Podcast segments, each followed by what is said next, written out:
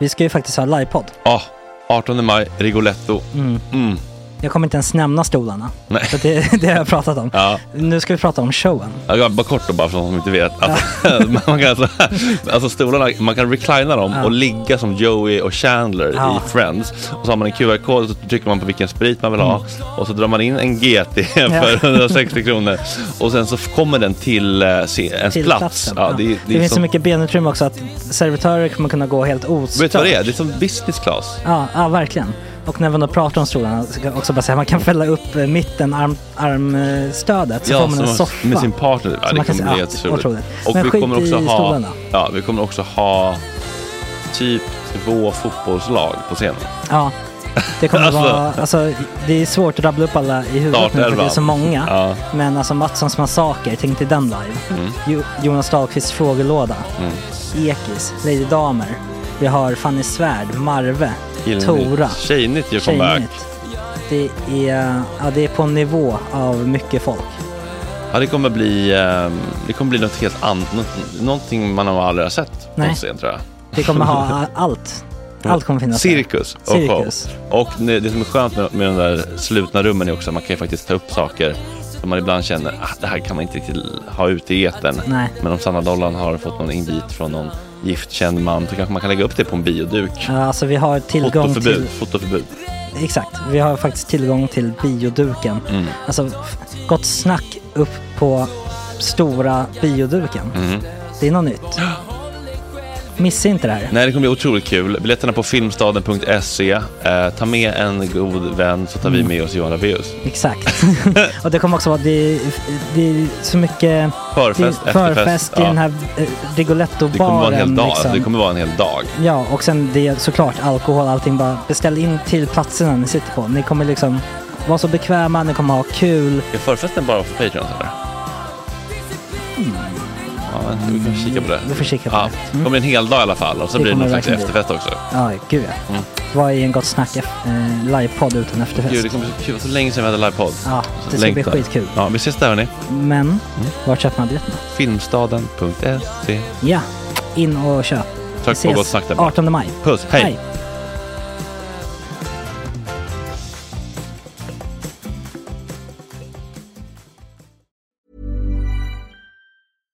Sandra, and I'm just the professional your small business was looking for. But you didn't hire me because you didn't use LinkedIn jobs. LinkedIn has professionals you can't find anywhere else, including those who aren't actively looking for a new job but might be open to the perfect role, like me.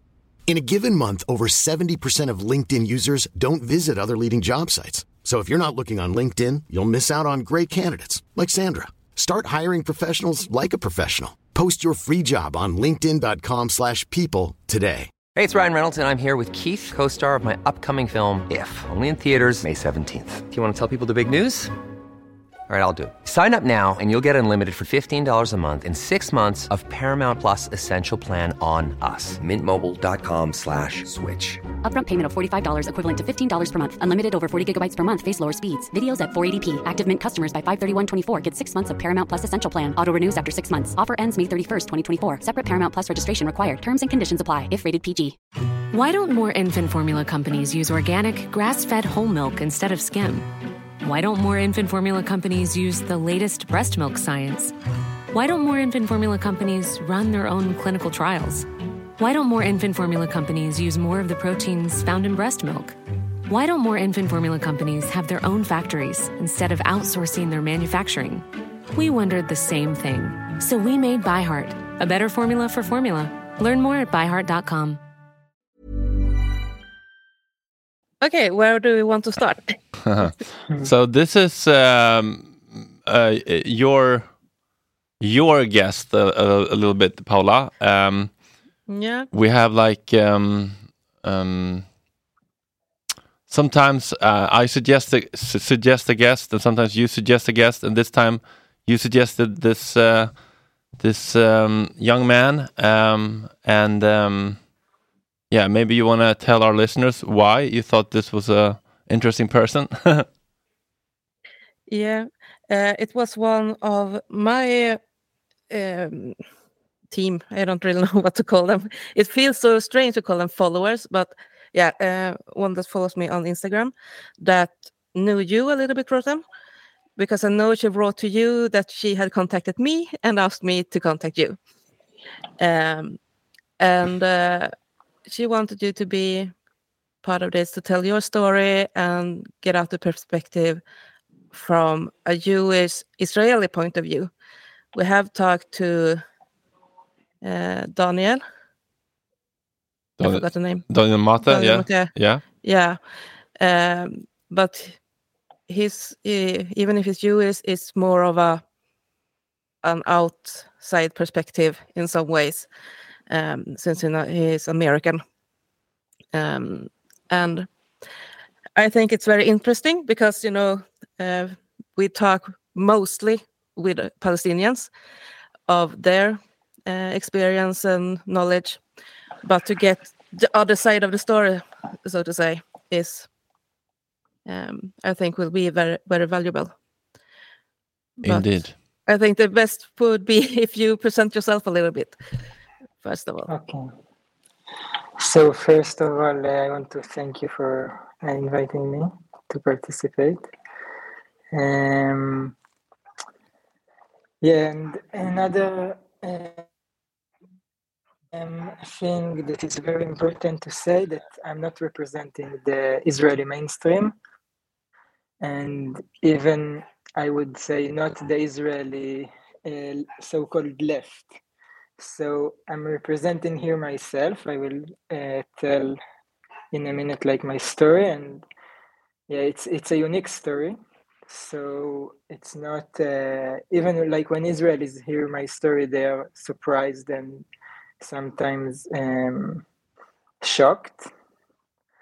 Um, but this is a real story, and it's a transformation that happened to me personally and yeah i think it's important to to open our minds and and consciousness to to like different alternative to different opportunities different directions um, and to try to be as much as fluid as we can because this conflict um, we will need to be to be quite creative and fluid to solve it. Um, yeah, so I'm 33 years old. I was born in a small village in like the center of Israel, in between Haifa and Tel Aviv. Um, and this village, like all the villages uh, that the Zionist movement established, or later the state of Israel, they were established for Jews. So we live separately, Jews and Palestinians. Uh, so for me, Palestinians were these people who I don't really know. I didn't have any interaction with them as a child, and I didn't know them. I just heard about them from my family, from the news in schools, uh, and I didn't really have anyone, a real person, to actually, um, yeah, to make the, to compare the story that I've heard about them to real life. So Israelis, uh, what we hear about the Palestinians um, is that they are dangerous for us, is that they don't want us here, and yeah, and the, the Zionist narrative is about um, they are refusing us since the beginning and we didn't have any alternative but to fight back. Um, so, me personally, I remember like the most sacred uh, sacred day of the year is the Memorial National Day, where we hold uh, national ceremonies all over Israel to commemorate those who died since the beginning of the conflict and all the soldiers they come back from the army to the ceremonies and i remember myself looking at them with this awe and respect that they are those who defend me and protect my family and i want to become one day like them to protect my family. Later on when i was a bit bigger like around 9 10 years old my family took me to the our own ceremony in the north uh, to commemorate the cousin of my mom who was killed as a soldier when his team tried to to rescue uh, Israeli ref, Israeli refugees who were kidnapped from a Savoy hotel in Tel Aviv in 75. So again, it uh, this experience strengthened my my understanding that the Palestinians are dangerous and again they don't want us here and they are willing to even uh, commit uh, attacks and to kidnap civilians.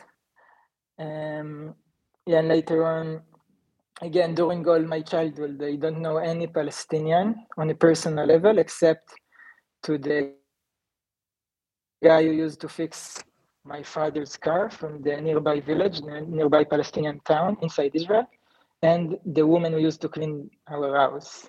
So it's always these colonial um, dynamics between those in power who get services from the uh, indigenous people. And they are being paid for these services, uh, but not real friendships near, uh, not real friendships near like a real, uh, you know, real like, yeah, real, uh, I would say, nail relationships of neighbors of good neighbors. It's more like services and and the trust is not really deep. Uh, later on when i was 17 years old like most of israeli students they take us from in schools to see the concentration camps and the death camps in poland. And i remember this experience as again something that that strengthened my my understanding that um, we are Jews. We were not safe anywhere, especially in Europe, and uh, we immigrated to Israel, Palestine, whatever you want to call it. I used to call it Israel back then, um, and then we we even there we weren't welcome, so we had to defend ourselves. And I remember me connecting like the Holocaust to my homeland, what is happening in my homeland, and their understanding and like the insight was that I have to go the next year when I will be become 18, I will have to go to the army because this is the only way that we Jews can live in our homeland uh, safe.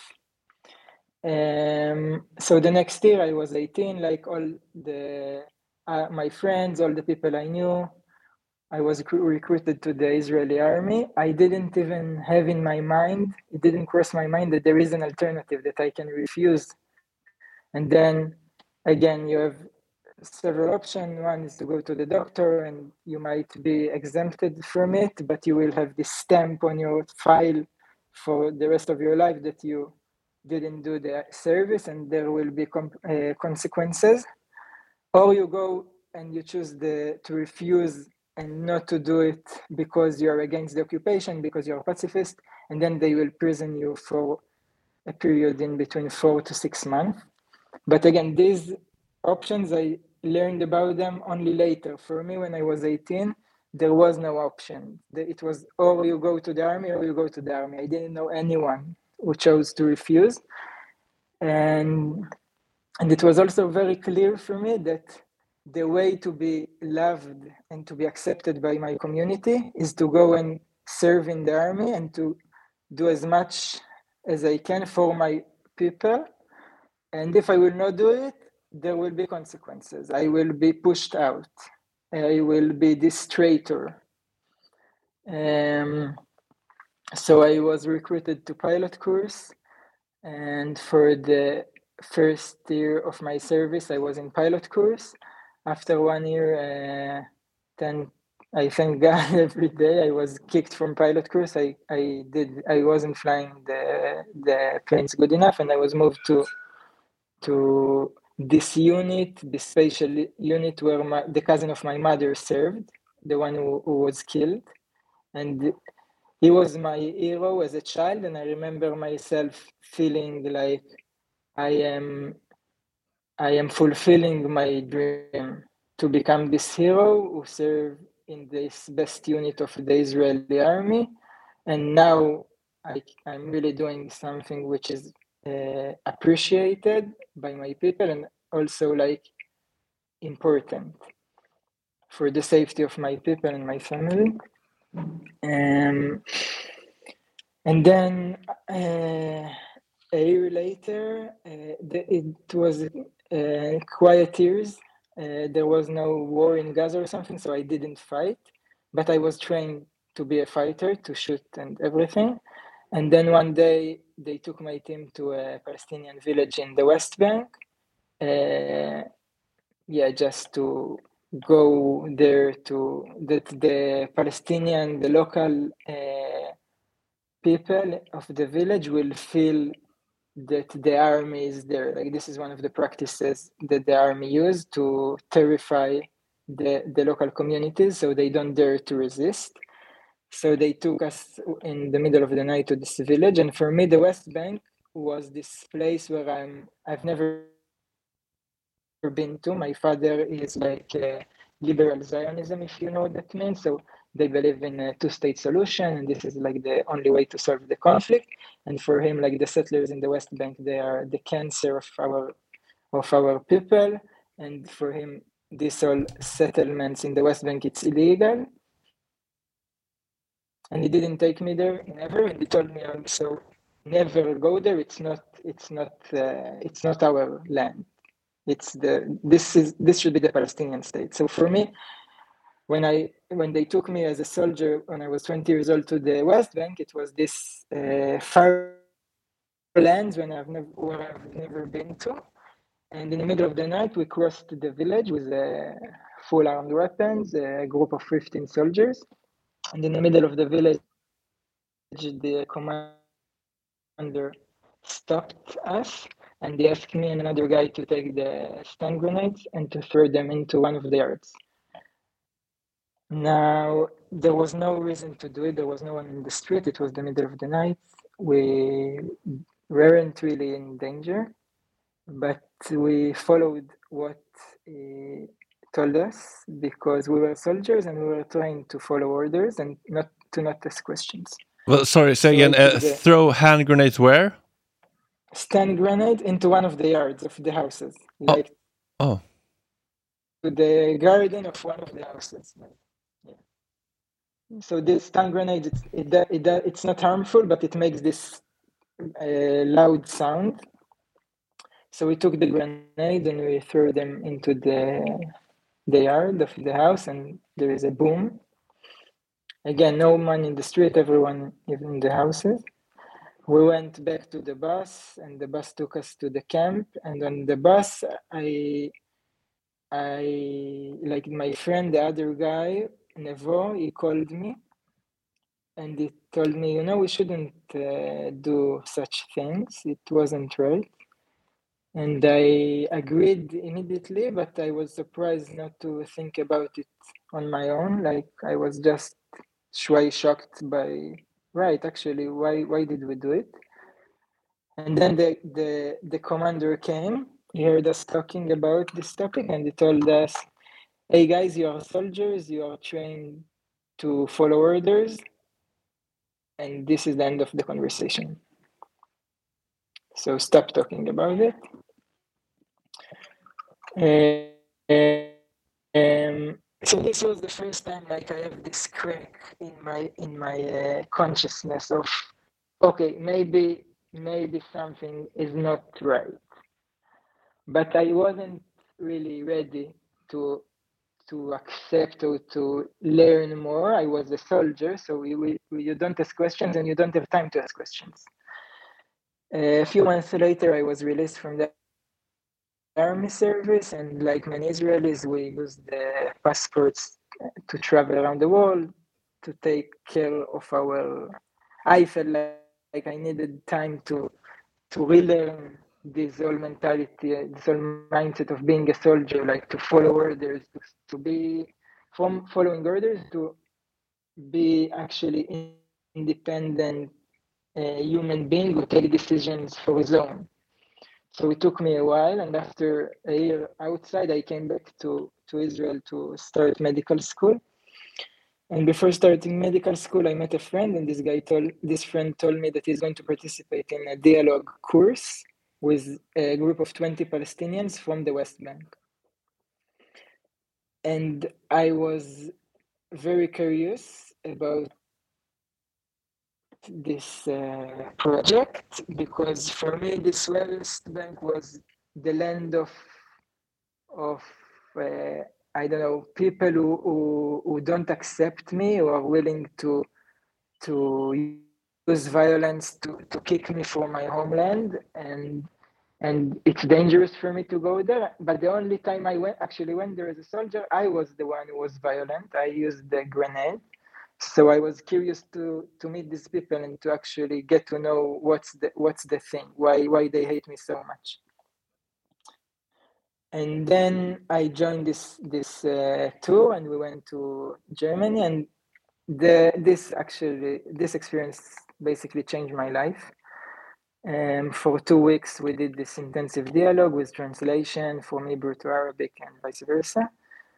And I heard, heard suddenly for the first time in my life about a totally different reality from the one that I knew. But this reality was actually only one hour drive from my home, even less, on the other side of the wall, on the other side of the checkpoint. I heard about the Nakba. Nakba is the Palestinian catastrophe that happened in 48 when 500 villages were destroyed and 800,000 uh, Palestinians were displaced and became refugees. Um, I heard horrible stories about massacres, about things that I didn't know. Nobody taught me these things in school and I was shocked. I felt uh, that I have to to re- to educate myself because how come I don't know anything about my homeland?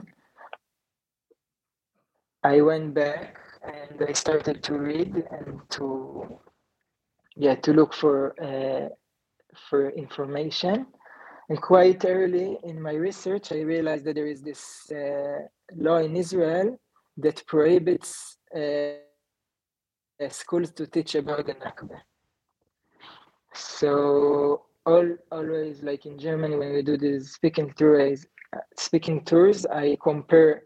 Just let's imagine together a Germany where there is a law that prohibits to teach about the Holocaust in schools, about the trauma, the collective trauma of the minority. And of course, it's I'm like it's just not like craziness, you know, like how how you even want to start to talk about solutions and reconciliation when the oppressor that is not allowed to teach about the tra- collective trauma of the oppressed. Um, and I felt I, I started to open this topic with my friends, my family, my circles, and to to ask them, hey, you know about the Nakba? Hey, you know about what is happening on the other side of the world? Hey, you know about the occupation? And most of the people were quite defensive and rejecting the the things that I brought, and I felt. Uh, I felt alone. I felt like I lost my community in a way. I felt people cannot um, contain my pain and my and the new story that I brought that was really, really close and dear to my heart because I, I for two weeks I talked to people who are actually living this is their daily reality. They actually live this military occupation every day. Their grandparents were kicked from their houses in 48 and and I was really I felt like I, at the beginning there was a lot of anger actually towards my my close friends and family. And I was looking for people who are like-minded who actually can support me in this process. And I, I met uh, through the first it was the organization combatants for peace.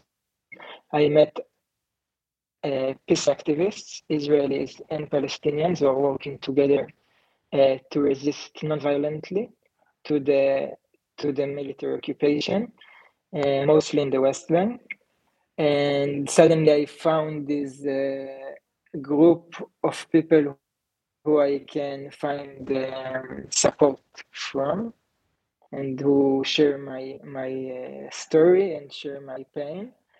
And yeah and late like gradually this group of friends of uh, activists uh, grew grew and grew and we became bigger and, and more supportive to each other. And and I would say if in the beginning of the of my journey I felt like I have to leave because I cannot I cannot live here anymore with these people who are just cannot understand like where they are living they live in bubble suddenly i had this community and i felt like i have them in my back and i actually became more and more connected to my homeland.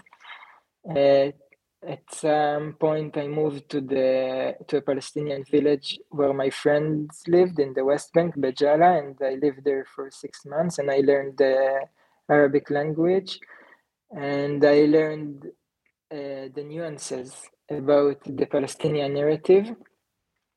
Um, and yeah, today, like I can say,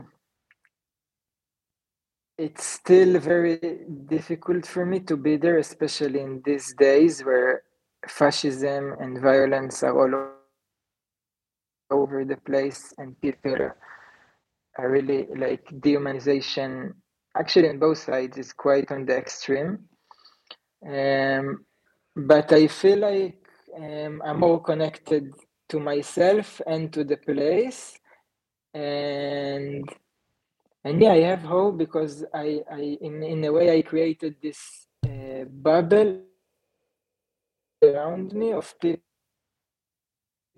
who are seeing uh, what is happening. They are courageous enough to to look reality in the eyes and to actually be active uh, together to trying to change the current system of oppression. And yeah, as a, beginning, I think if you have more questions, I can elaborate more. No, well, that's really interesting. Um, I, I, I come to think of the um, the term that uh, I think uh, Daniel talked about. Uh, he, he, the, the, he wrote about it in his uh, book with his father, The Myth of Normal. The, the conflict between uh, attachment and authenticity. So you had to give up some relationships in order to follow your uh, gut feeling and you, to be your true self and uh, stand up for you for, for the things that you really believed in. So what what relationships did you lose and ha have you are they still lost or have you healed some of them or where are you now? Um so yeah i agree. I lost uh, many friendships. Um mostly people from the high school and childhood and from the from the army service. Um every time i try to open this topic people couldn't really yeah they didn't have the space to hold such a conversation.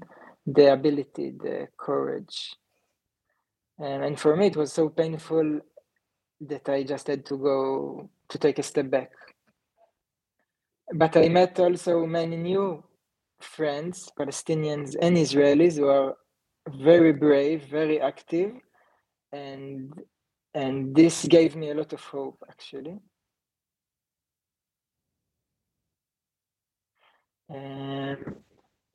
The most difficult for me was the relationship with my family because the family you cannot just live. It's not like yeah i'm so much for me i'm living with your family. But we have a lot of fights and this conflict is very painful for me. Like it breaks my heart every time we fight, and I know it breaks also my mom and my father's hearts. Um, but you know, people in the age of 65, it's different from them to change and especially to let go of such a narrative, which is so basic in their identity. Like their mm. identity is basically built on this narrative. So if you want them to let go of Zionism, for them, it's like letting go of who they are. Yeah.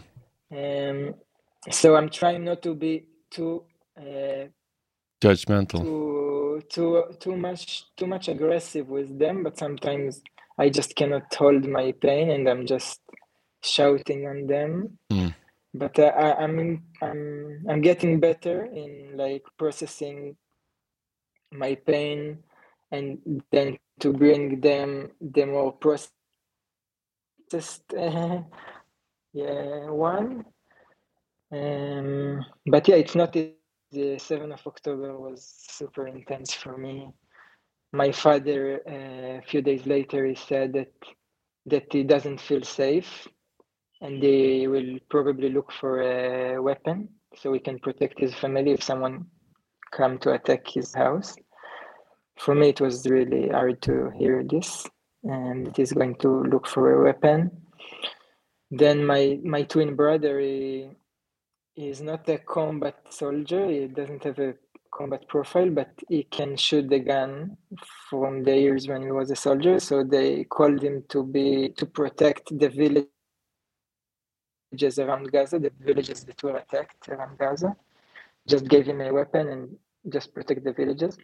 And for me it was like how can you after all these years that i'm talking to you about nonviolence and about occupation why do you go and and join this oppressive system again?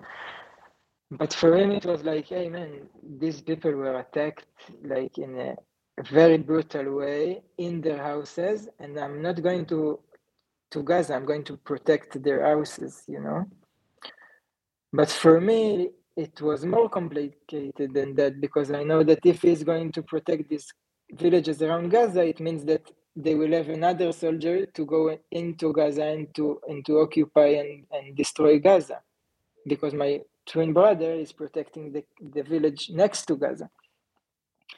So we had a fight and yeah again these fights it just give, brings a lot of pain and to everyone yeah but then two weeks later he told me that they released him and he's more happy now and yeah but still it's like it's really sensitive and everyone are super on the edge right now. People don't feel safe. Now it's on the israeli side like israelis they used to feel safe and now actually what was changed since 7 of october that no one is safe on the land course in gaza it's a different level of of uh, of danger and i'm not comparing but i know that israelis have never felt this level of uh, of danger until right now and in a way maybe it's good i don't know because people are realizing that it cannot continue this way. And some there is a shift in consciousness also on the israeli side too too slow for me but at least there something is happening for sure and um, um yeah i i i i find hope in that um but yeah it's uh, it's, it's not easy What do you do for a living?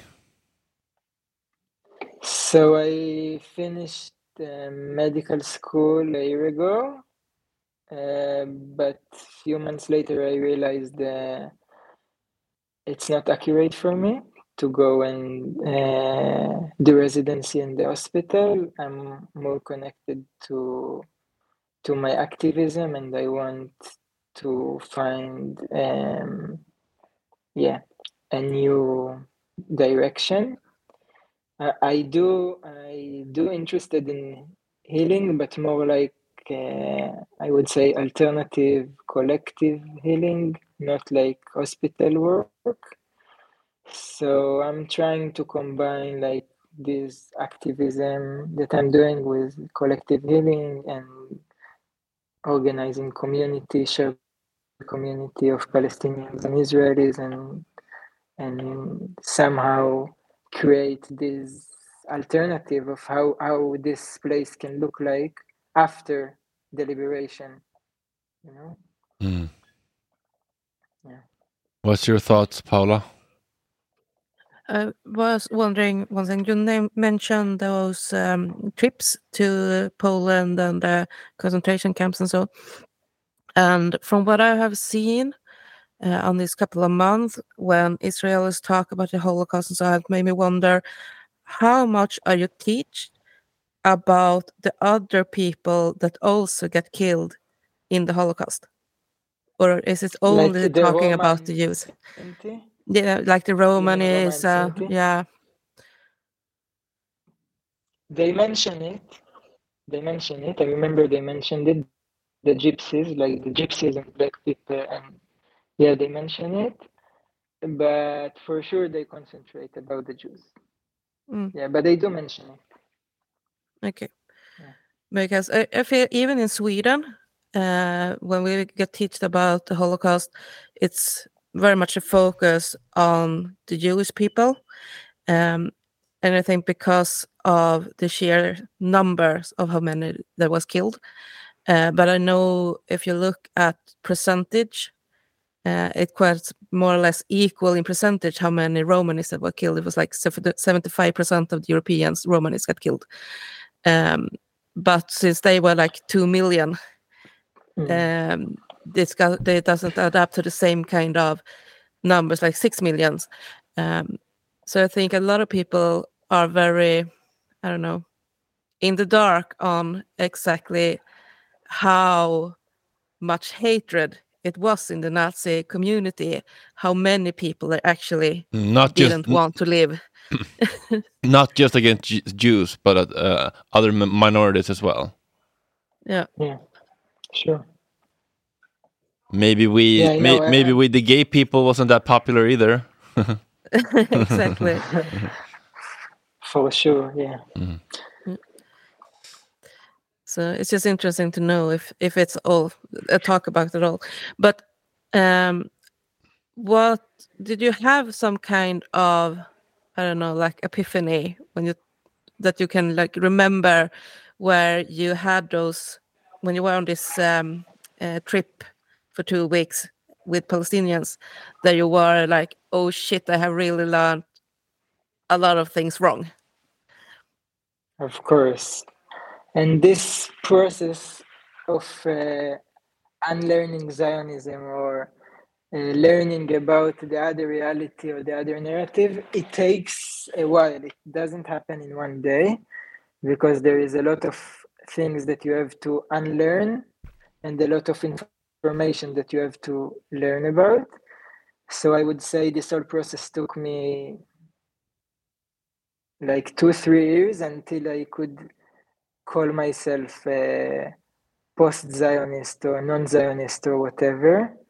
And you also have to find the the people to support you during this process. So for me, it wasn't until I met Palestinians and became really good friends with Palestinians that I actually could let go of this narrative Mm. and and uh, yeah to in a way hold this new narrative of of liberation of collective liberation. And because i was scared i was taught to be scared you know? This is the the zionist narrative like we don't trust anyone. Mm. you know we have to be strong to protect ourselves. So only when i got to know the palestinians and i realized i can trust these people because they are my friends i could start gradually let go of this zionist narrative of i need a jewish state. I need a jewish state. This is the way i will, be protected. So for me something that is really important uh, to understand is that only Palestinians can liberate the Israelis from their collective trauma and from this distrust. And of course, we, the Israelis, can liberate the Palestinians. Um, first, because we are the oppressor, and and second, because I believe we are we are in our like um, future is intertwined. Like as long as Palestinians are not safe, are not free, the Jews will not be safe. And as long as the Jews are not safe, the Palestinians will not really be free because if someone is live lives in danger, then you know we need to find like a common common common path and to build trust. And this this is the responsibility of both of us of the oppressor and the oppressed because we have to heal each other from from the narratives of of um, yeah that we've learned um, and this whole movement of anti-normalization i understand it but i feel like we miss uh, something which is really important which is the the boycott of individuals doesn't help especially non-zionist israelis. It doesn't help the cause. It doesn't help the palestinian movement. The opposite. It just strengthening the the understanding of the israelis that they are not welcome and they are not part of the common future of of how the the reality will be after the liberation. So I believe the most actually efficient way to, to help Israelis to let go of this narrative is to actually create them a space where they can feel included, where they can let go of this collective fear Mm. and actually to accept a, a new narrative, which is about a shared homeland where they are uh, also uh, part of. Um, and this this is at least what have helped me a lot to to actually let go of Zionism Yeah, I to think and to really trust the the the alternative of Zionism. I think uh, I think you're right, and I think one of the problems is that um, both sides feels like victims, and both sides want to have their trauma validated and acknowledged, and they want it first. So it's kind of like like you know if a if a guy hits a girl in a relationship, he probably has traumas and stuff that he needs to work on, and and like um, um, I can imagine that he would like to be um, have her uh, to, to for, forgive him and you know acknowledge his pain, but she feels so much as a victim, so she she thinks it's his responsibility to to be vulnerable first, and you know um, this is like the emotional um, core of the problem. I think that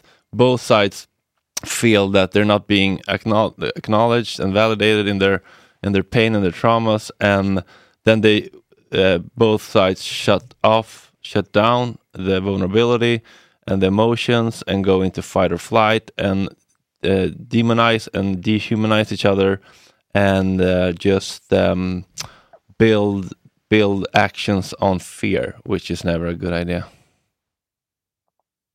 Yes. And I was lucky because I met Palestinians who were actually, um, yeah, willing or ready to let go for a second of the victimhood hmm and to and to um, yeah and to create a space for me where I can feel safe. And then I could let go of my victimhood or of my narrative. And I know many Israelis who didn't have this luck, who didn't have this privilege to meet uh, Palestinians who have this uh, capacity, and they, they just left the land. Mm. Um, and many of them were leftists. Like many of them actually realized that there is a big problem, there is an oppressive system, and they just couldn't couldn't stay there anymore because they felt so alone and they didn't have a community to support them and they didn't meet the the right people who could actually um, show them the way to reconnect to their homeland but from a place uh, who is actually yeah just not not this uh, Zionist and um, like mindset, you know. So not from this place of this is my land and and the only way to live here is with weapons and power. Mm. Yeah. Yeah. Um, how do you think about all these um, arguments that's that's are thrown around right now about who were there first, who has the most right to the country. Uh, how can we, I don't know, step away from this talk? Because no matter how we twist it, the fact is that both Palestinians and the Israelis are um, uh, historical snow where uh, everyone was there like two, three thousand years ago. It's not that relevant. But how can we somehow step away and start to talk about the fact that actually no one has more or less right to the country? Exactly. I feel like it's not. It's it it's not help. It doesn't help us actually to move forward. This fight over who was there first, for sure uh, I can say that the Zionist movement was uh, established by European Jews, and they decided to to establish a Jewish state in Palestine. And this movement is similar to other colon, colonization movements uh, in the sense that people who are not from there, like they were Europeans, they mm. came and they wanted to to create a new system for themselves only, which didn't include the the indigenous people. And one of the practices to do it, to allow it to happen, was ethnic cleansing, actually, because they needed a Jewish majority, and they realized that the only way to a Jewish majority is by pushing the indigenous communities out. Um, but again, I'm acknowledging this uh, these facts, but on the same time, I don't see how uh, we move forward from here. I think the way to move forward now is to accept that there are Jews and there are Palestinians on the land, and the problem now is the system, the oppressive system of apartheid, and we need to uh, dismantle the system and we need a, new system that sees everyone from the river to the sea as equal. And it has to guarantee safety and freedom for everyone. And uh, equality means also uh, the right of return of course the palestinian refugees have to get the opportunity to choose if they want to come back to their homeland.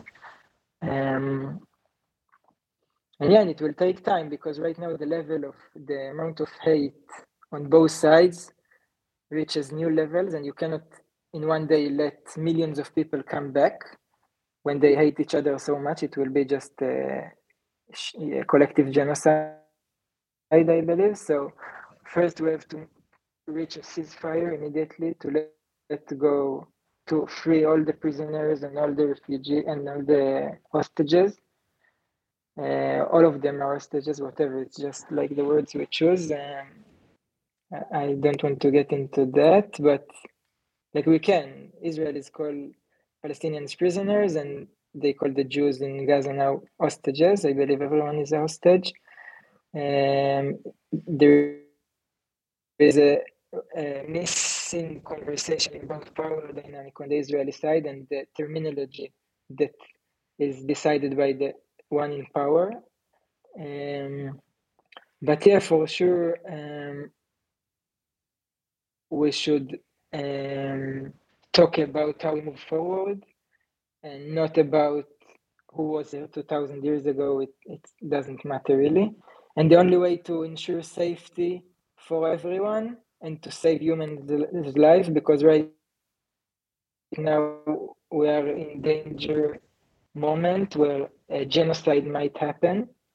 And i believe it's our responsibility as humans all over the world to put as much pressure as we can to stop this madness to reach a ceasefire then to reach a political agreement to start to open the siege on Gaza, to free Palestine from the river to the sea, and to make sure that everyone, Jews included, are are safe and uh, equality for all. Yeah.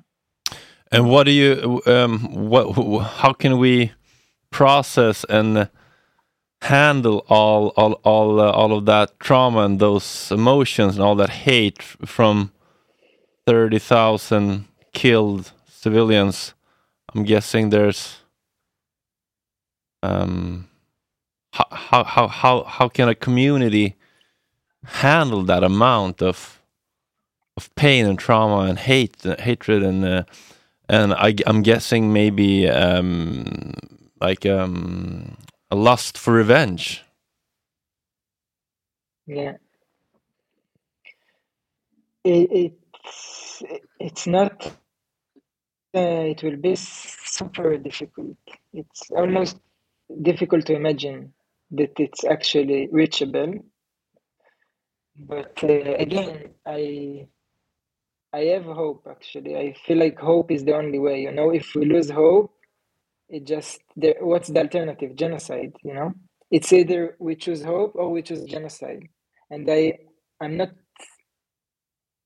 I cannot choose genocide, and I cannot accept that this is the the what is coming. You know, so I choose hope no matter what, because I know what's the alternative to hope.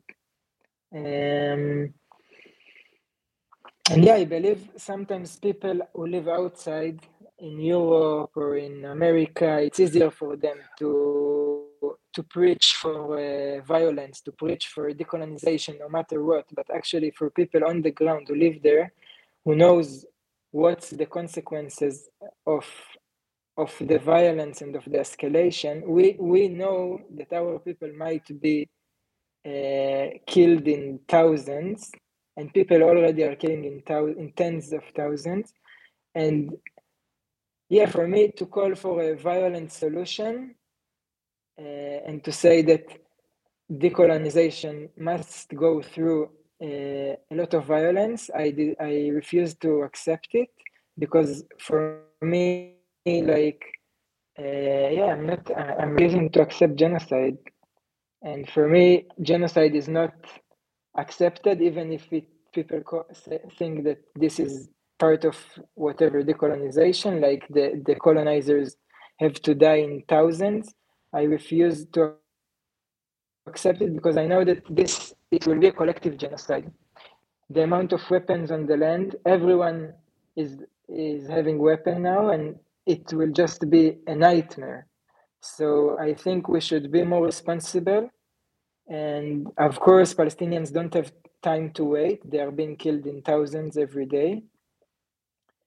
But again, I I believe that people who live outside of the land, who have the privilege to feel safe in these days, we should first call for ceasefire, because if we will not reach ceasefire now, again, a, a collective genocide might happen. So for me, like I'm concentrating on my energy and all my effort to, to first to reach a ceasefire. And I believe the next stage will be a political uh, solution that will uh, change this, the oppressive system on the ground. And then the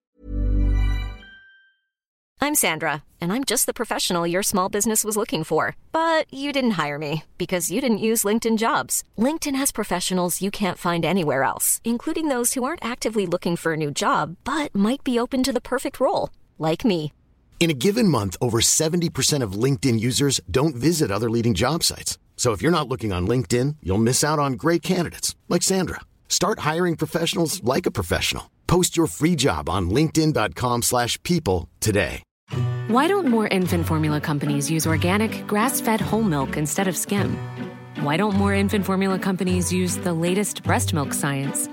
Why don't more infant formula companies run their own clinical trials? Why don't more infant formula companies use more of the proteins found in breast milk? Why don't more infant formula companies have their own factories instead of outsourcing their manufacturing? We wondered the same thing. So we made ByHeart, a better formula for formula. Learn more at byheart.com. Hey, it's Ryan Reynolds, and I'm here with Keith, co star of my upcoming film, If, only in theaters, May 17th. Do you want to tell people the big news?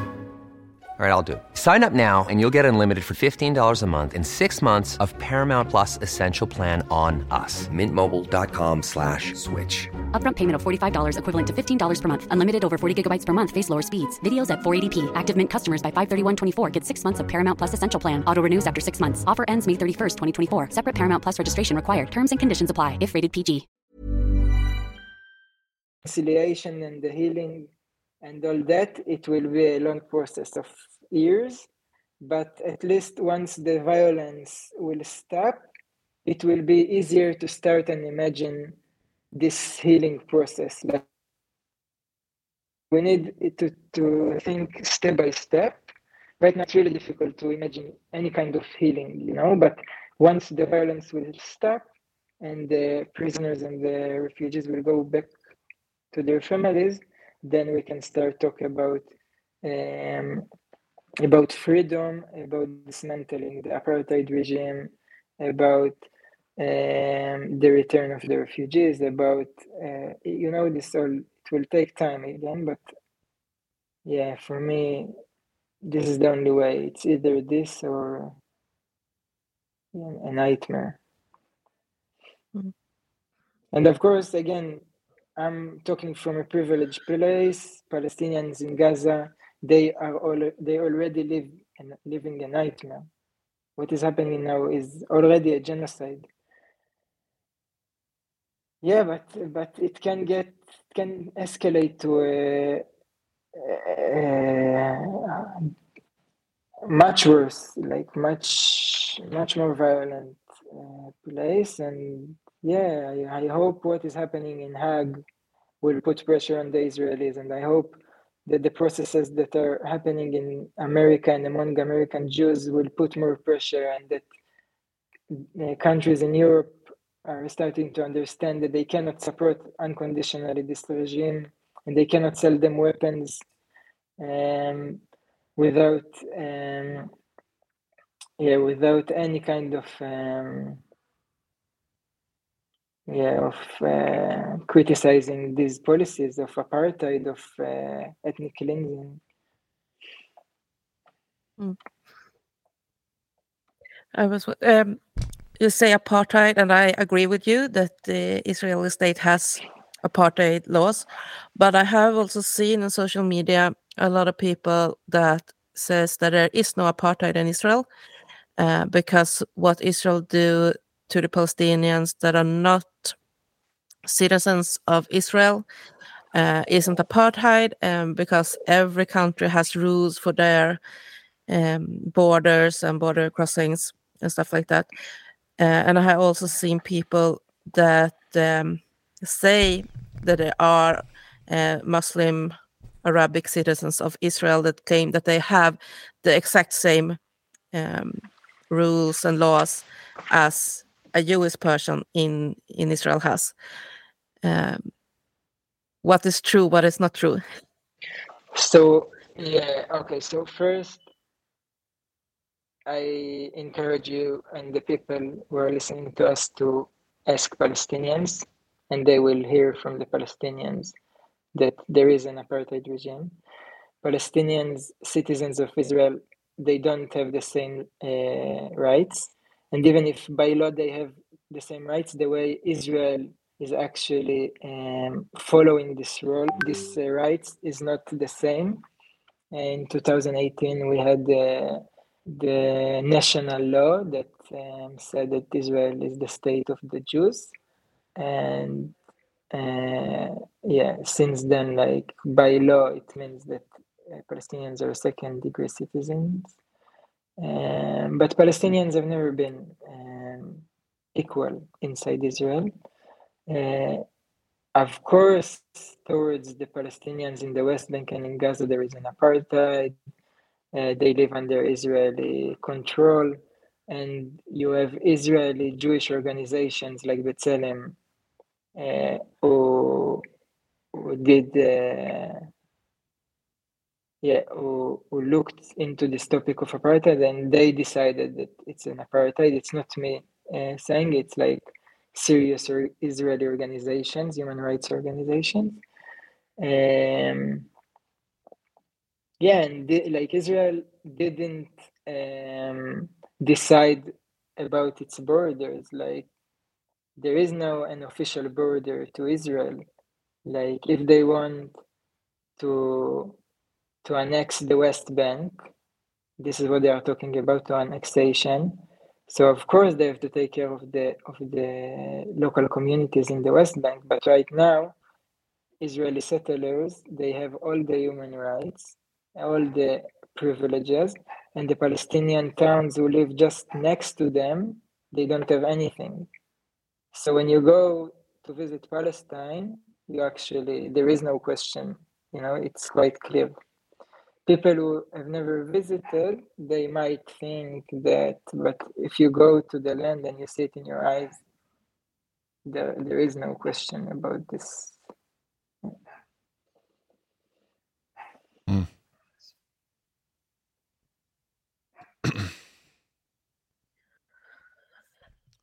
Oh, I have so many thoughts, so it's just I need I need a little second to uh-huh. gather them. What's uh, what's your hobbies, uh, sir? Uh, my hobbies.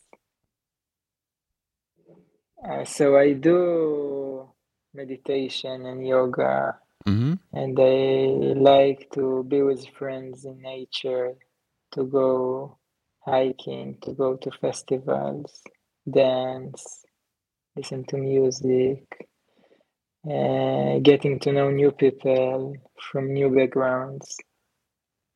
Sometimes I like to read books, uh, podcasts. Mm-hmm. Uh, Do you have any Yeah, so- podcast recommend recommendations? So actually, for me, what also helped me to actually go through this uh, transformation journey was uh, learning the Arabic language and then to listen to podcasts in Arabic, so I could Mm. actually really understand how Palestinians and Arabs from the region feel and how they see me as an Israeli Mhm. and who am I for them. And yeah, I believe like language is an amazing tool to open your consciousness and to expand your consciousness.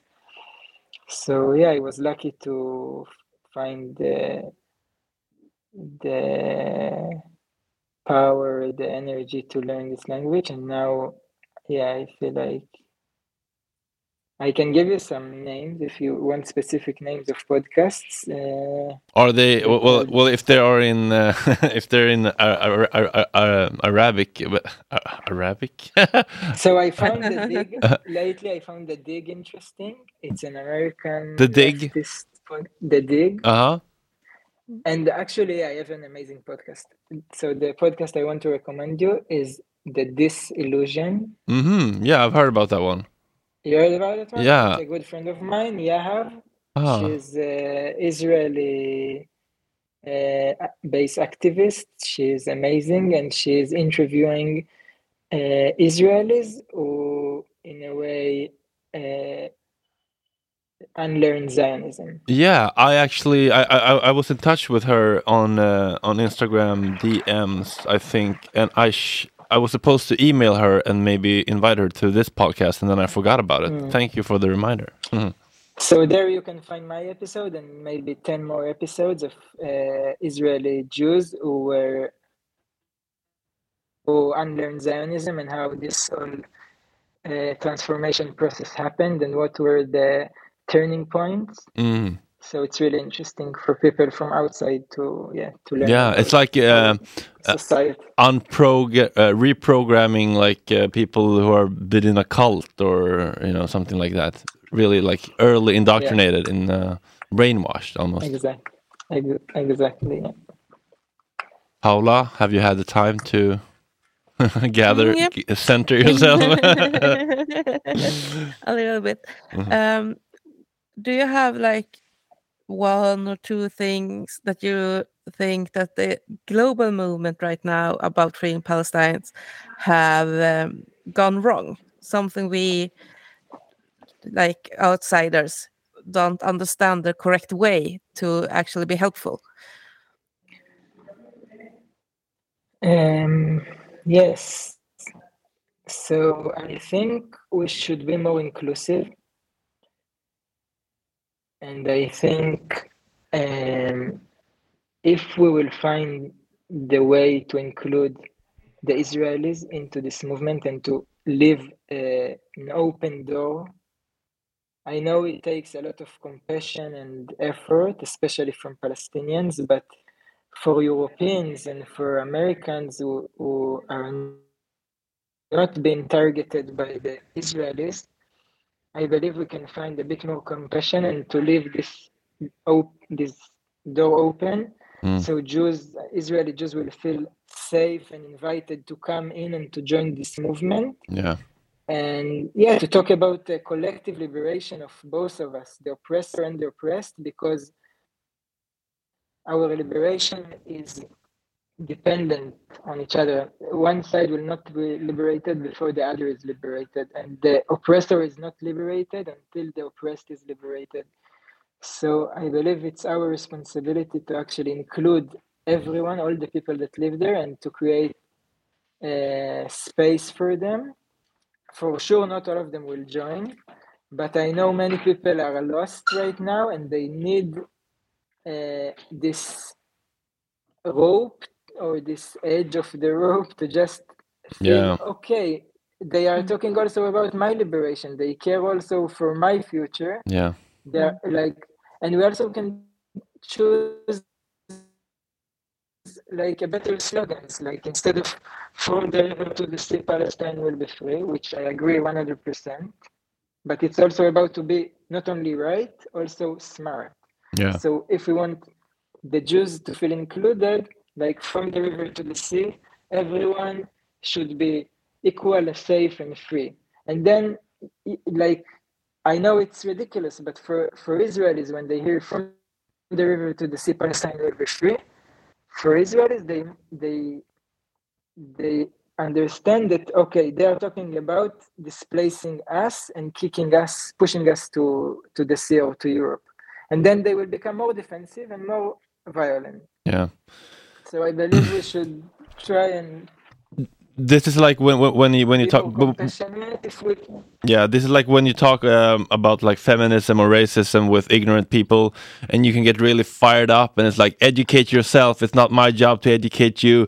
Uh, I, I don't have to pamper you, and you, you can go into this like lecturing kind of um, accusing tone, which feels kind of you feel righteous, and you feel like um, you have the right to to to blame that person and shame that person, and uh, you want to like um, um, grow the fuck up, educate yourself, and it feels kind of good. You feel superior, but we know that that doesn't work. You know, the other person's nervous system goes into fight or flight or or, or freeze, and uh, they just shut down. So that's a good point to to leave that righteousness uh, and and try to Exactly. to to to um, uh, offer compassion and um, empathy for for everybody in this um, challenging times.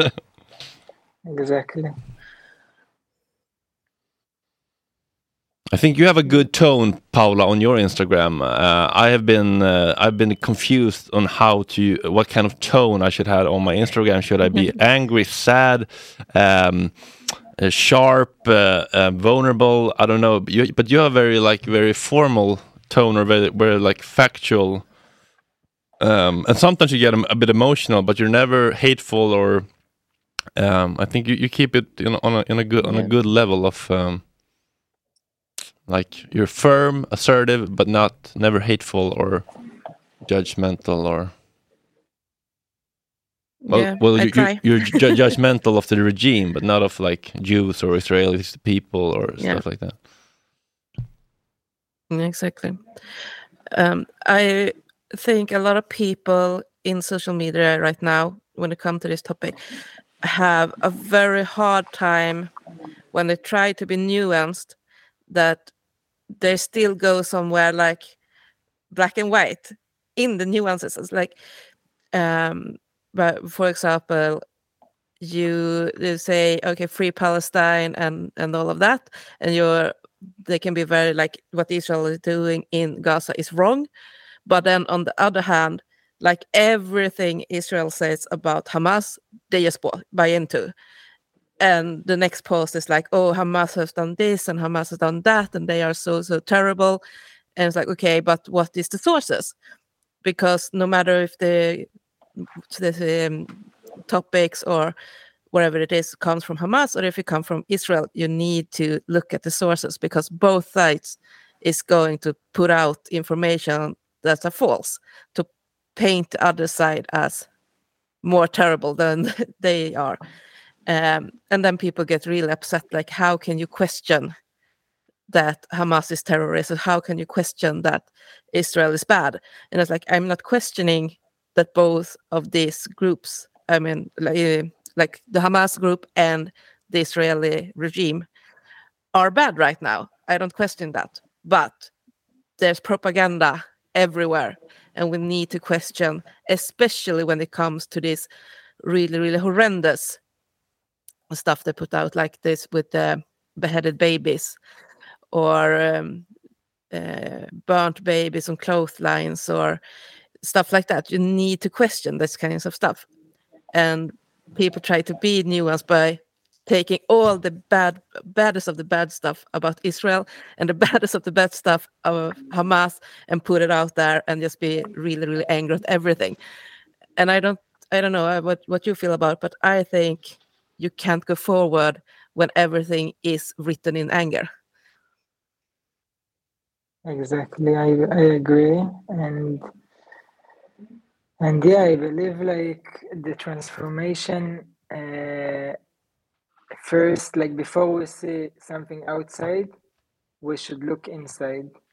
Because all these conflicts they are they exist in our hearts.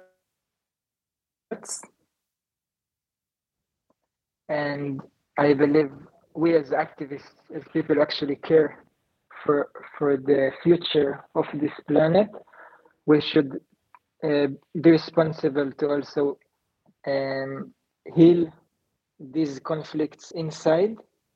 Because if we do only the external work, we will just transform the oppressed to oppressor, and this circle will continue moving again and again but actually to stop this circle and to actually change the direction of of this human kind, human yeah, whatever, we should do some internal work, which is the most important thing. Huh? Like for activists, it's always easier to go and blame and accuse and be judgmental, but actually to look inside and to see how your own patterns are actually creating the the the conflict that you see outside, then I believe something will change when we'll be brave enough to to acknowledge this reality. Yeah, I'm. Uh, Yeah. I- I'm. I'm. Um, I, I- I've been through different phases, um, and, and now I feel like I have um, arrived at uh, the station uh, called "How can I do as much good as possible?" What's the What's the smartest way to to do my little part in this, in my little filter bubble here on Södermalm in Stockholm, Sweden? with my podcast, with my Instagram account, what's the best thing I can do? Not not what's what what feels right or who deserves what or like who's who's who's done the most awful things and deserved the most punishment or you know how can I how, how can I be a be a good force in this? Yeah.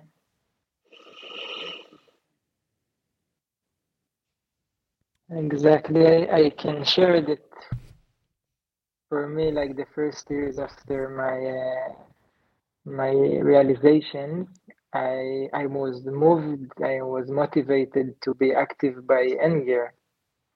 I used to go to demonstrations and to, you know, I had to find some way to deal with all these negative feelings that I had and this anger. And so I went to demonstrations and just shouted loud, like, you are the problem and you are the problem. And and with the with time i realized that wow actually i'm quite aggressive in demonstrations. And then i was looking for this pain inside me and how to heal it. And and yeah it changed a lot. Like first in my i'm how i'm experiencing life. And then to actually find hope and to actually have the ability to to talk to people and actually open their hearts instead of like blaming them and closing their hearts and just reinforcing their their uh, um, beliefs you know? So in order to actually yeah create a change in the world again we have to first change ourselves Yeah. Mm. from my experience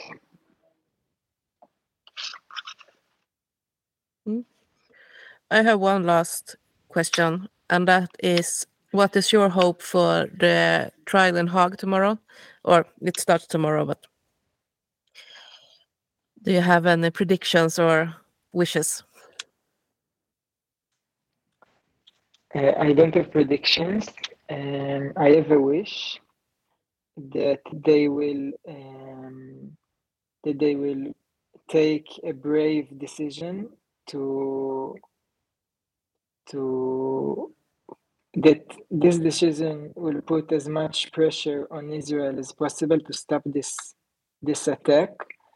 Um, I believe that genocide is possible and that the Israeli people they are in such a place right now of distrust and dehumanization of the Palestinians that a genocide might happen.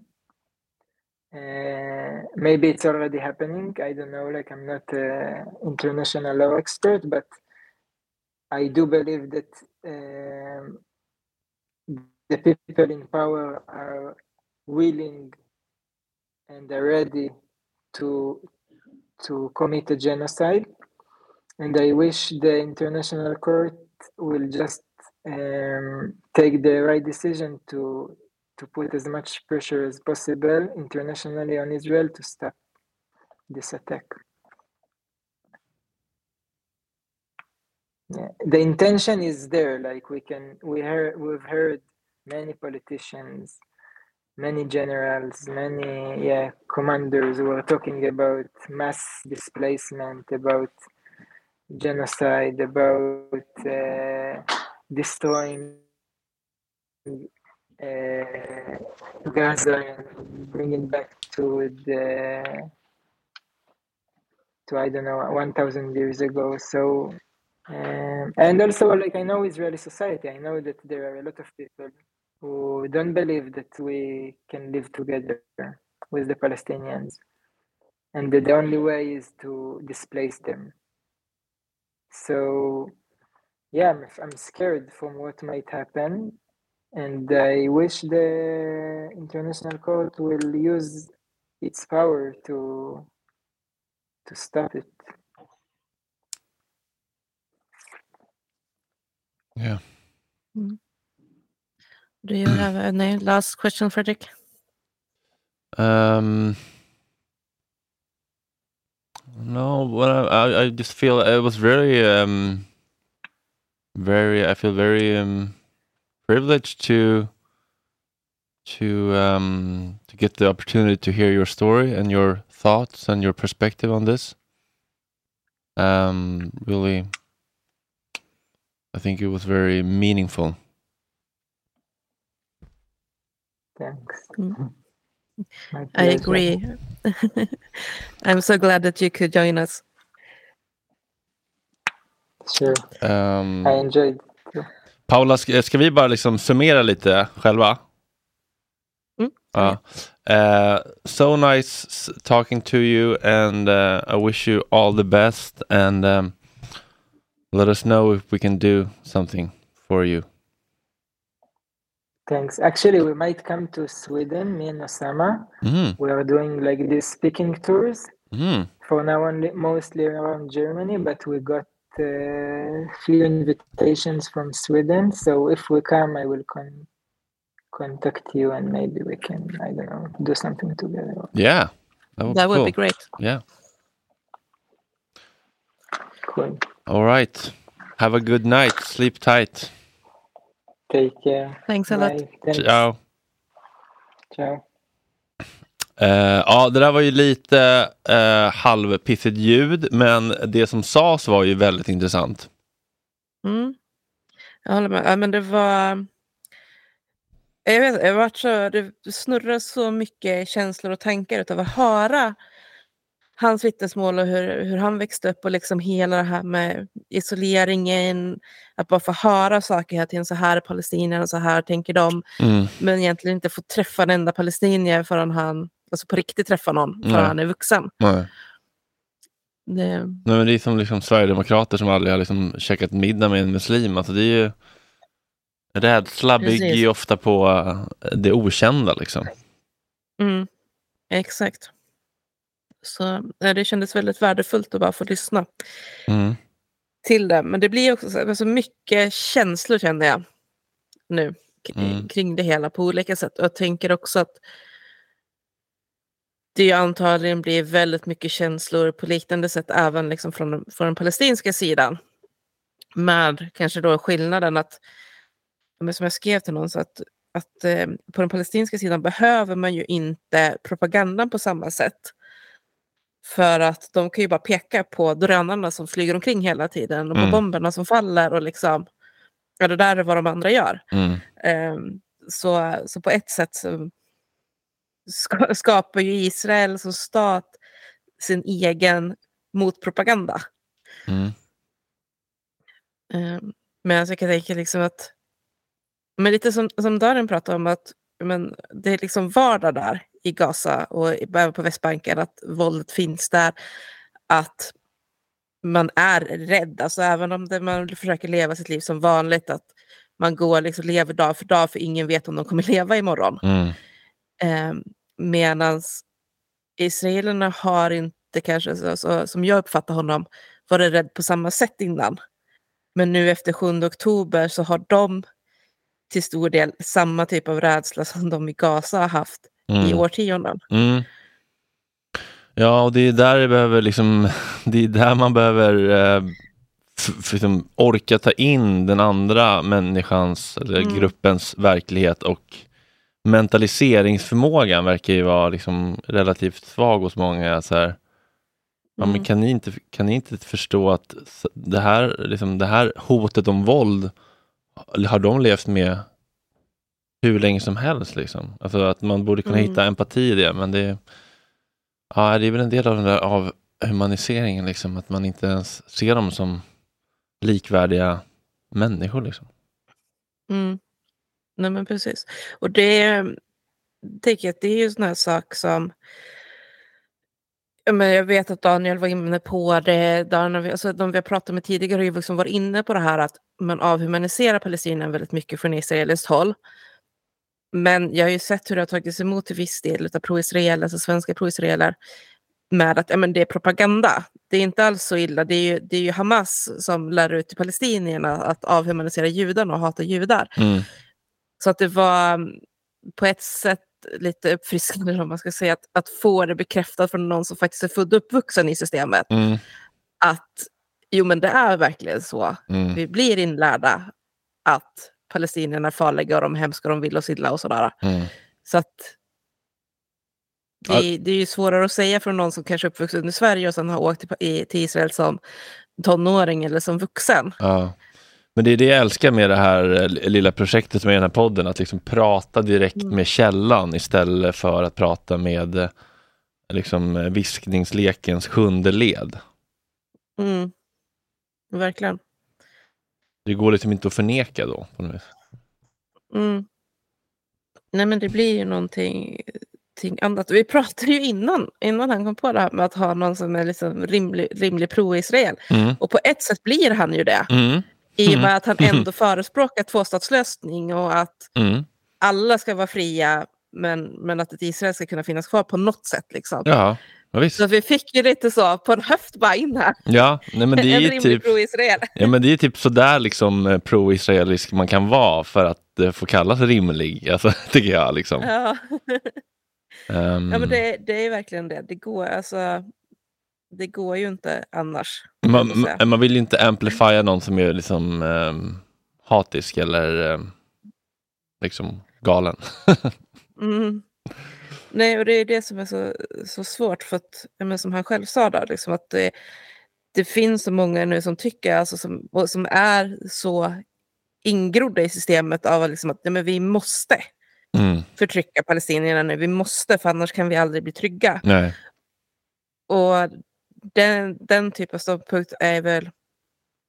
Alltså jag kan ju förstå hur de har kommit till den slutsatsen just nu utifrån vad israeler får lära sig och vad Mm. det skrivs i media och hur historieskrivningen där ser ut. Men det är samtidigt någonting alltså farligt med att föra det typen av narrativet ut.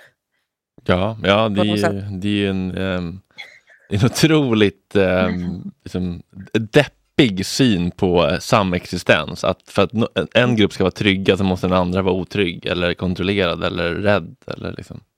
Mm. Verkligen. Det går inte. Nej. Nej, alltså jag tyckte det var jättebra det här med just att för att kunna frigöra den förtryckta så måste man frigöra förtryckaren och vice versa. Mm. Liksom att, för det, det, är typ, att det har ju kommit lite sådana här men larm eller vad man ska säga, eller vittnesmål nu så att eh, att israeler, framförallt liksom israeliska soldater, mår jätte, jättedåligt Mm. just nu. Att det är liksom eh, självmords... Heter? Inte självmordsstatistiken, men... Ja men de har PTSD och de... Ja, men, ja, de, precis, de har PTSD och överlag liksom, psykiska ohälsan har bara skjutit i höjden och så Mm. folk mår jätte, jättedåligt. Och eh, jag kan ju tänka mig så att, liksom, att även bland de soldater som vi har sett som verkligen till 100% har avhumaniserat palestinierna, Mm. att, som, som liksom skrattar när de springer upp hus och sådana saker, Mm. att någonstans så tror jag ju liksom ändå att den som lever med så mycket hat tar skador av det själv också i längden. Ja, ja, alltså om man inte är en riktig psykopat som inte har empatisk förmåga så kommer det ju Mm. ändå på något sätt det kommer ju göra någon, det, det stressar ju kroppen på något sätt att liksom se eh, död och förödelse. Sen så kan man ju liksom skratta och, och tända en cigg och filma som ett försvar för att liksom nationalisera och, och liksom heter det, försvara för sig själv varför man gör eh, någonting som är, liksom är rätt och rimligt och liksom göra content av det och raljera kring det. Men det är ju ett försvar för att slippa liksom ta i, i Mm. smärtan som alla människor känner när man liksom skadar andra människor om man inte är riktigt jävla empatistörd. Och det kan inte liksom 300 000 soldater kan inte vara psykopater. De är ju liksom bara hjärntvättade. Mm. Exakt, så jag tänker att liksom förr eller senare kommer det ju att slå tillbaka. Och det är precis som, alltså, i och med att vi ändå var inne på förintelsen, så här, jag har sett eh, intervjuer med SS-veteraner. Eh, fr- från ålderdomshemmet, liksom, när de sitter Mm. 89 bast gamla liksom, och ska tänka tillbaka. Mm. Och i många fall så har det varit liksom, då har de ju intervjuat då personer som har varit med ja, men typ i Gestapo eller SS eller jobbade på koncentrationslägren. Jag vet att det var någon som, var från, som hade jobbat på koncentrationsläger som, som pratade liksom om det att där och då, han var ju typ 20 när Mm. det hände. Så han var så bara, men jag, han kunde inte se något alternativ. Precis som Rotten pratar om nu, liksom, att han, han gick ju med i, i IOF för att han såg inte att det fanns någonting annat. Det är klart att man ska göra det. Mm. Eh, och på samma sätt var det för den här liksom, eh, tyska liksom, att han bara, ja, men, vi varit inkallade. Och sen när man väl var i, i militären, liksom, då gjorde man ju det man blev tillsagd. Jag var tillsagd att jobba på det här förintelselägret. Mm. Och, och han pratar om det liksom, att, men, att han aktivt dödade judar. Eh, för att han efter ett tag att ha varit där började se det som någon form av win-win.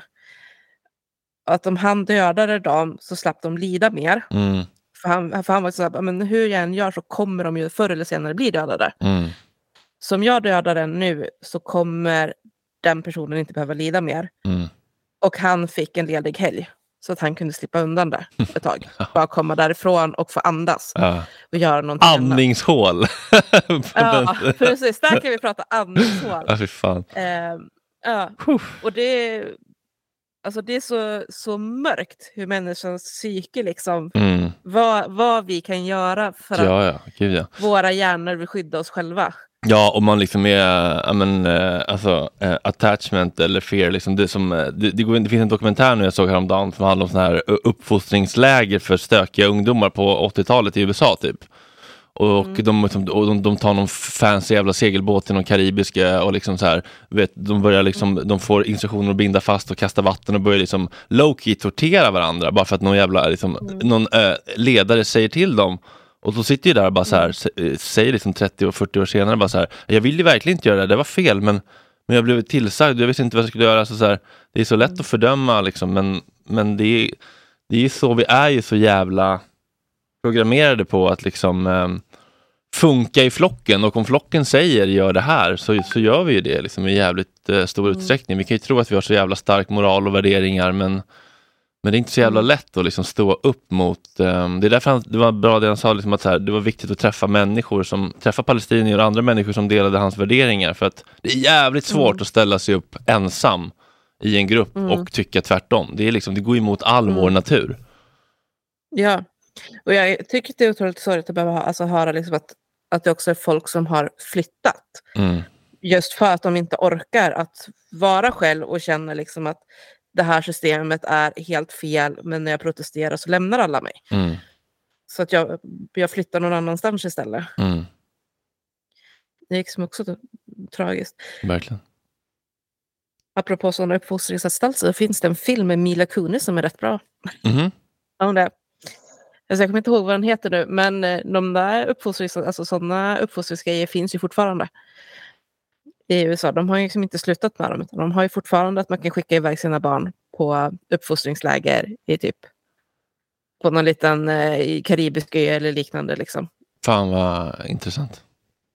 Mm. Ehm, Som en parentes, parentes i det hela. Mm. Du, eh, ska vi eh, göra som ny rutin att vi gör ett litet kort intro där vi förklarar lite grann vad som kommer, eh, vad man kommer få höra i liksom, avsnittet. Det kan vi göra. Eh, vi behöver inte låtsas att det är innan, vi kan ju bara liksom så här.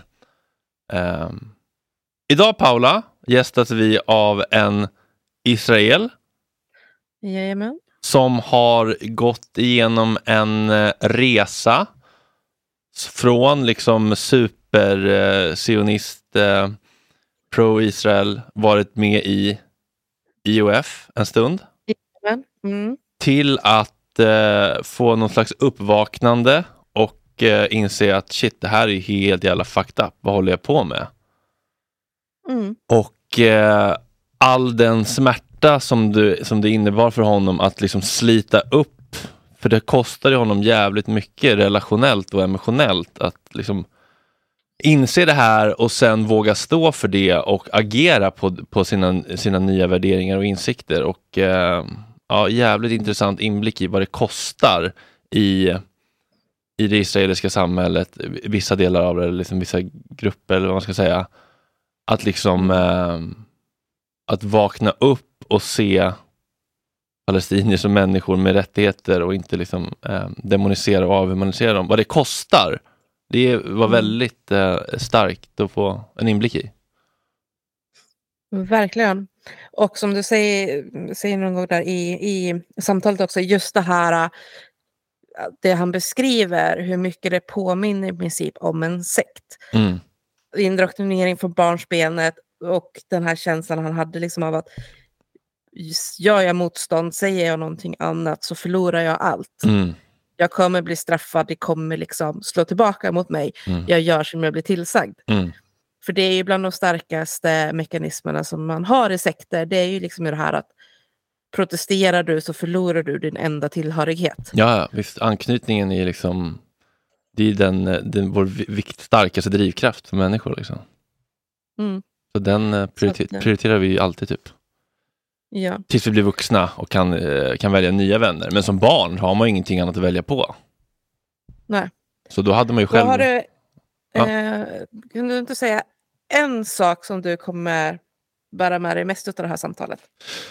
Nej, men, eh, det är nog ändå lite det här som jag liksom själv har varit inne på. att så här, jag, eh, jag orkar inte vara liksom hatisk och eh, avstängd och eh, avhumanisera och demonisera israeler liksom på samma sätt som de, vissa av dem gör med, med, eh, med palestinier. Att jag vill försöka bli mer liksom ödmjuk och inbjudande och eh, försöka prata liksom mindre aggressivt och dömande och mer ödmjukt och inbjudande för att liksom få med mig folk att, eh, och väcka nyfikenhet och liksom empati hos folk.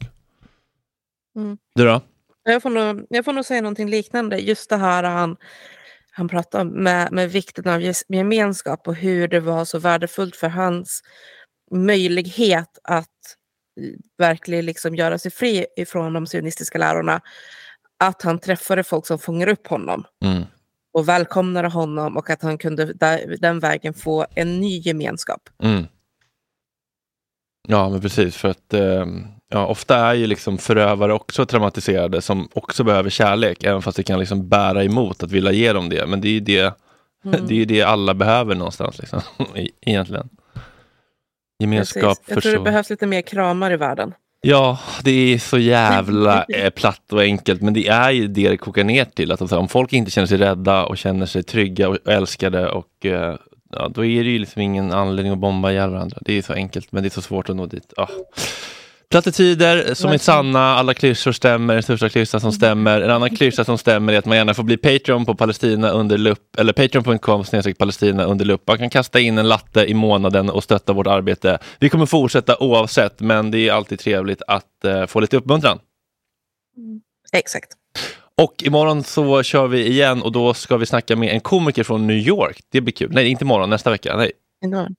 På måndag. på måndag. Just det, ja, nästa vecka. Det kommer avsnitt lite då och då. Det är inte exakt bestämt, men vi, vi köttar på så mycket vi eh, hinner och orkar helt enkelt. Ja. Tack för att ni är med oss och dela gärna podden. Lägg ut en skärmdump på Insta och en liten länk. Det betyder jättemycket så att fler får, um, får reda på det helt enkelt. Mm. Och tips. Vet- eller så här, vad heter det? Recensera, sätt stjärnor. Precis. Sätt stjärnor på Spotify och podcast, skriv en liten recension om ni pallar och eh, tipsa oss gärna om eh, intressanta gäster. Vi, ehm, vi eh, bunkrar gärna upp liksom, med listor. Precis. Mm. Tack för idag ikväll Paula. Det är samma. Nu ska jag gå och sova. Jag med. Sov så gott. Hej då. Ciao.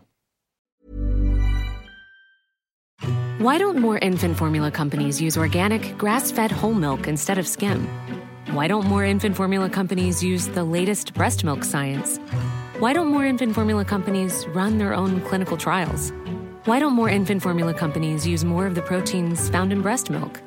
Why don't more infant formula companies have their own factories instead of outsourcing their manufacturing? We wondered the same thing. So we made ByHeart, a better formula for formula.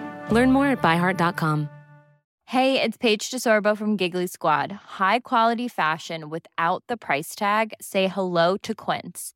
I'm snagging high-end essentials like cozy cashmere sweaters, sleek leather jackets, fine jewelry, and so much more. With Quince being 50 to 80% less than similar brands.